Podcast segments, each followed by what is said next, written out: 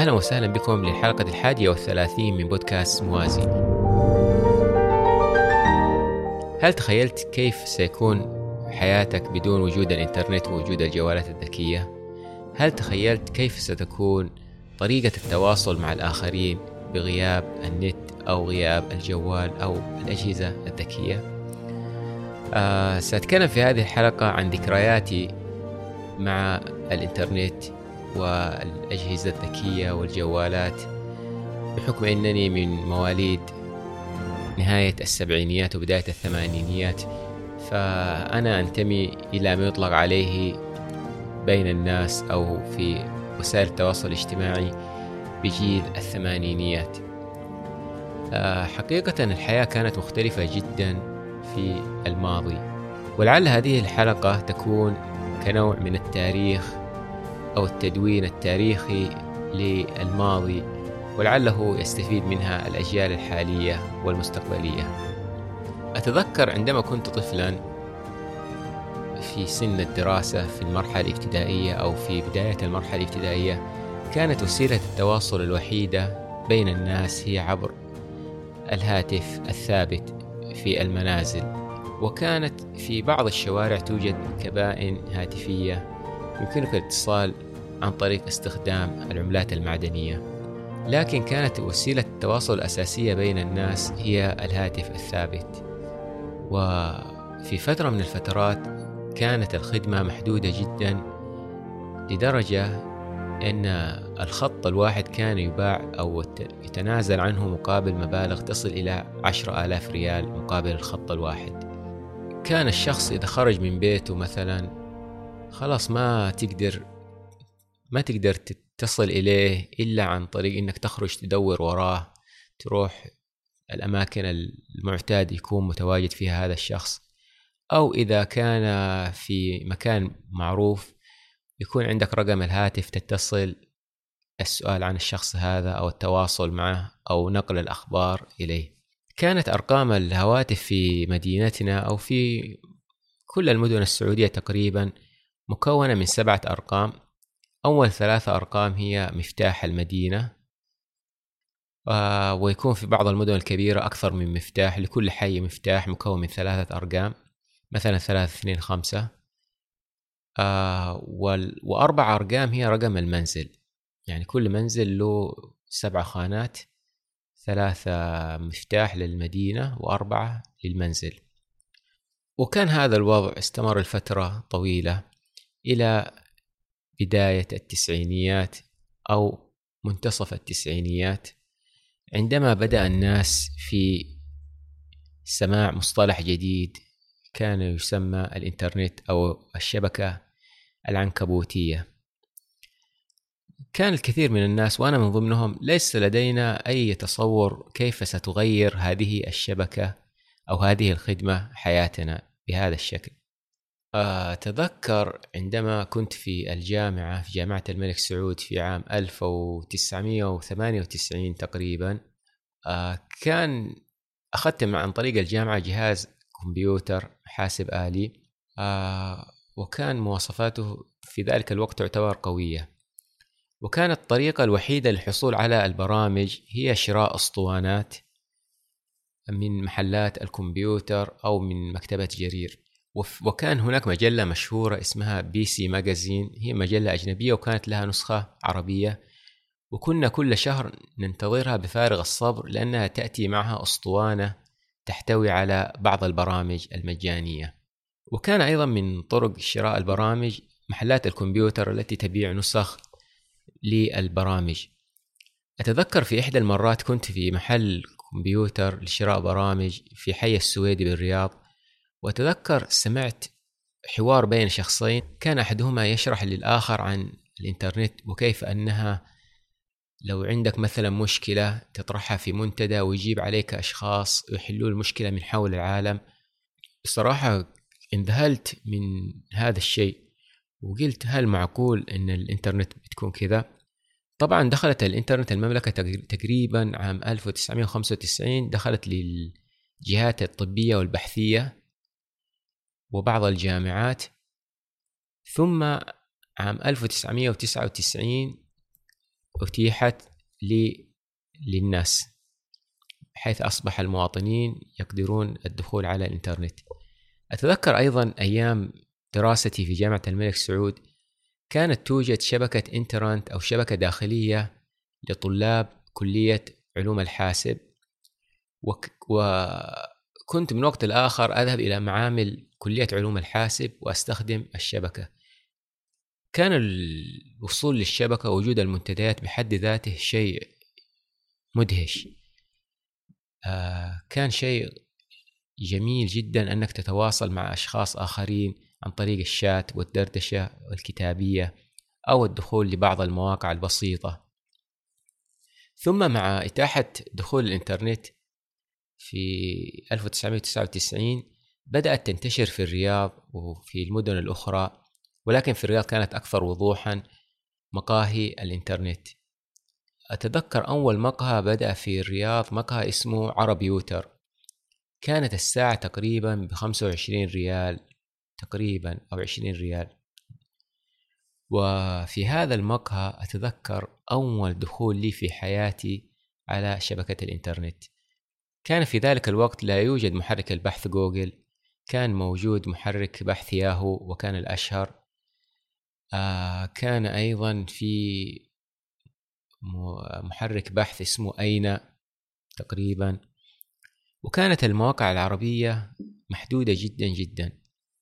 آه كانت خدمة الشات أو mIR mIRC أعتقد اسمها كانت مشهورة جدا. وكنت أذهب للمقاهي من أجل استخدام خدمة الدردشة والشات مع ناس من حول العالم سواء عرب أو أجانب. وكان شيء غريب وشيء مدهش في ذلك الوقت. آه ثم آه جاءت الإجازة الصيفية ورجعت إلى الأهل. وأضف أذكر اشتريت آه مودم للكمبيوتر مودم خارجي. واشتركت في شركة نسيج خدمة أربعين ساعة تقريبا بمية وثمانين ريال. وعن طريق الهاتف. فأول مرة في بيتنا دخلت الإنترنت كان شيء يعني عجيب جدا وفرحة فرحة فرحة مني ومن أخي فرحة لا تضاهى. يعني ما زلت أتذكر فرحة سماع صوت المودم وثم الدخول إلى الإنترنت. مع أن التكاليف كانت غالية جدا. تخيل كنا ندفع على الساعة للهاتف أربع ريال ونص وندفع اشتراك شهري بالساعات يعني أربعين ساعة تقريبا كان بمية وثمانين. وهنا الساعة ندفع في الهاتف أربع ريال ونص. فكانت آه، مبالغ باهظة في ذلك الوقت. مقابل خدمة كانت في بداياتها وخدمة كانت تعتبر بمقاييس اليوم بطيئة جدا جدا. كان معظم وقتي في التصفح في قراءة المعلومات في الشات في الدردشة مع الآخرين. فكانت أيام لا تنسى بصراحة. ثم آه، مع تطور الوقت بدأ انتشار طبعا الهاتف الجوال بدأ في السعودية تقريبا في التسعينيات. وأذكر أول هاتف جوال أخذته أيام الجامعة كان بس عشان أطلع الشريحة دفعت رسوم 3500 واشتريت جوال لا أنساه اسمه الكاتيل وان تاتش. ب 600 ريال تقريبا. وكانت دقيقة الاتصال داخل المملكة بريال وستين هللة. ولا توجد خدمة الرسائل النصية. الرسائل النصية يعني بدأت تنتشر في الألفية مع سنة 2000 تقريبا. فكان الجوال أيضا حصولي على الجوال ساهم في أني أكون. سهل الوصول لي من أهلي بحيث أني كنت أدرس الرياض وأهلي في أبو عريش. فسهل حياتي كثيرا وجود الجوال وسهل التواصل لي مع الناس ومع الأهل وجعل حياتي أسهل بصراحة. ثم مر الوقت وبدأت دخول خدمة ال DSL تقريبا في 2004 2005 2006 في هذا الزمن بدأت بالانتشار وكان آه، مبدأ إنك تدفع مبلغ ثابت مقابل انترنت 24 ساعة كان شيء أيضا مفرح ومبهج لنا. بدل ما كنت تدفع أربعة ريال ونص وتدفع اشتراك شهري تطلع مبالغ باهظة. فأصبح مثلا تدفع مبلغ مثلا 150 250 300 مقابل اتصال 24 ساعة كان شيء جميل جدا. أذكر أول اشتراك لي في خدمة ال DSL كان بسرعة 64 كيلو بايت. تخيلوا. وكان تقريبا الشهر ب 160 ريال أو كذا.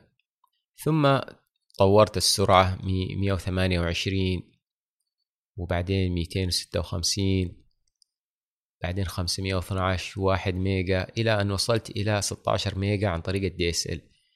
وكانت أيضا خدمة ال DSL تدفع اشتراك لشركة الاتصالات وأيضا تشتري اشتراك من إحدى الشركات المزودة. كانت شركات كثير جدا. كان شركة صحاري أذكر استمرت معها فترة طويلة.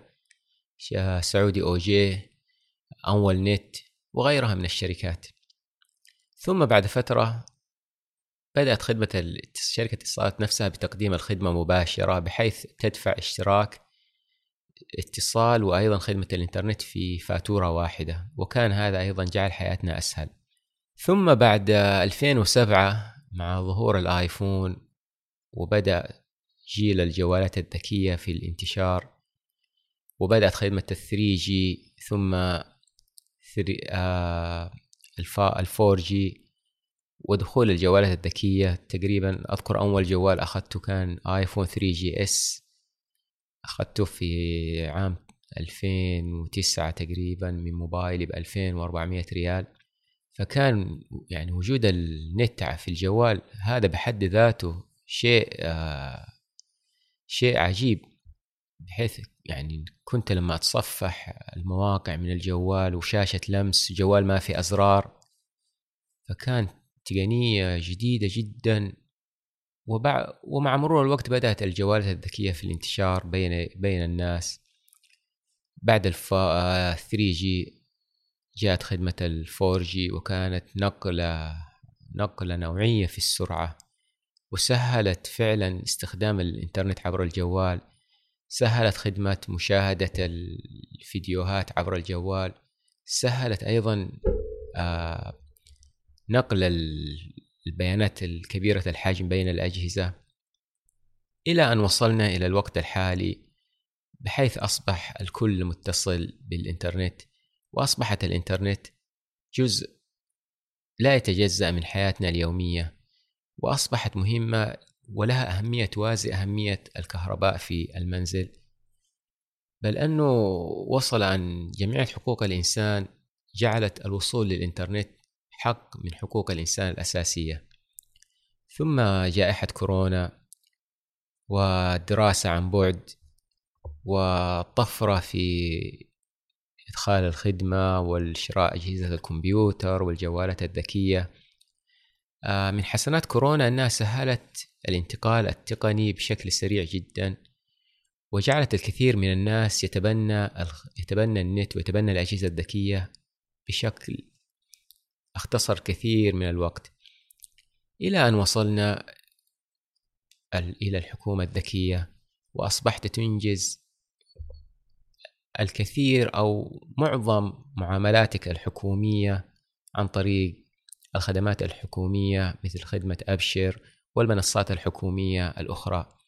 حقيقة المملكة أصبحت في طليعة الدول التي اختصرت علينا الوقت وسهلت حياتنا كثيرا بحيث أتاحت لنا أن نراجع جميع الدوائر الحكومية ونقوم بمعظم أو بأكثر الخدمات عن طريق الجوال أو الكمبيوتر. وهذا سهل حياة الكثير ووفر أوقات كانت تضيع في المراجعات وفر جهود ونظم العمل فلهم جزيل الشكر. ونشوف الآن بدأت ظهور آه اللي هي الميتافيرس من شركة فيسبوك أو العالم الافتراضي بحيث أنه يكون عالم موازي للحياة الواقعية. فما أدري كيف سيكون المستقبل مثلا بعد خمس أو عشر سنوات. هل سننظر للماضي ونضحك ونستغرب أننا كنا نستخدم مثل هذه الخدمات؟ آه، هل سنضحك على شبكات التواصل الاجتماعي؟ هل سنضحك على مثلا خدمة التيك توك سناب شات؟ ونقول كيف كنا نستخدمها؟ كيف كنا نستخدم هذه الخدمات في التواصل مع الآخرين.